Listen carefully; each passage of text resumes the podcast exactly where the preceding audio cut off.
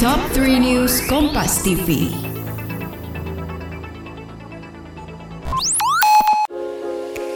Kamu tidak percaya diri dengan penampilanmu? Podcast Semua Bisa Cantik hadir untuk membantu mendefinisikan dan merangkul arti cantik yang sesungguhnya. Dengerin podcast Semua Bisa Cantik dari Media by KG Media dan Stylo Indonesia di Spotify. Halo Sobat Kompas TV, kembali lagi di Top 3 News Kompas TV Sudah saatnya kita update 3 berita terpopuler yang terjadi pada hari ini Rabu 7 September 2022 Bersama saya Aisyah Malaya Putri.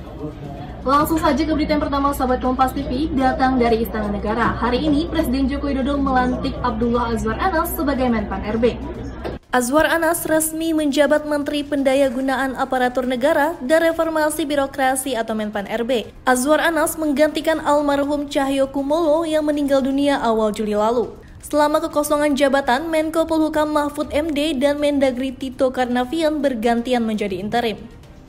Berita yang kedua Sobat Kompas TV, pesawat Bonanza milik TNI Angkatan Laut jatuh di perairan Selat Madura saat sedang latihan.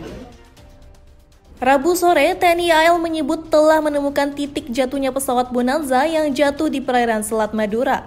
Tim dari TNI AL dikerahkan untuk mencari bangkai pesawat dan dua kru pesawat yang berada di dalamnya. Usai pesawat dan kru ditemukan, TNI AL akan melakukan investigasi terkait kecelakaan. Berita yang terakhir Sobat Kompas TV, kasus polisi tembak polisi di Lampung temui fakta baru usai dilakukannya reka adegan atau rekonstruksi. Dari hasil rekonstruksi, Polres Lampung Tengah menemukan dugaan kuat kasus merupakan pembunuhan yang direncanakan. Hal tersebut nampak dari reka adegan tersangka yang sempat mencoba senjata di suatu tempat dan memastikan senjata tersebut berfungsi. Nah, sahabat Kompas TV, itu dia tadi tiga berita terpopuler yang terjadi pada hari ini. Sudah saatnya saya Aisyah Mulai Putri pamit undur diri. Sampai jumpa di Top 3 News Kompas TV berikutnya.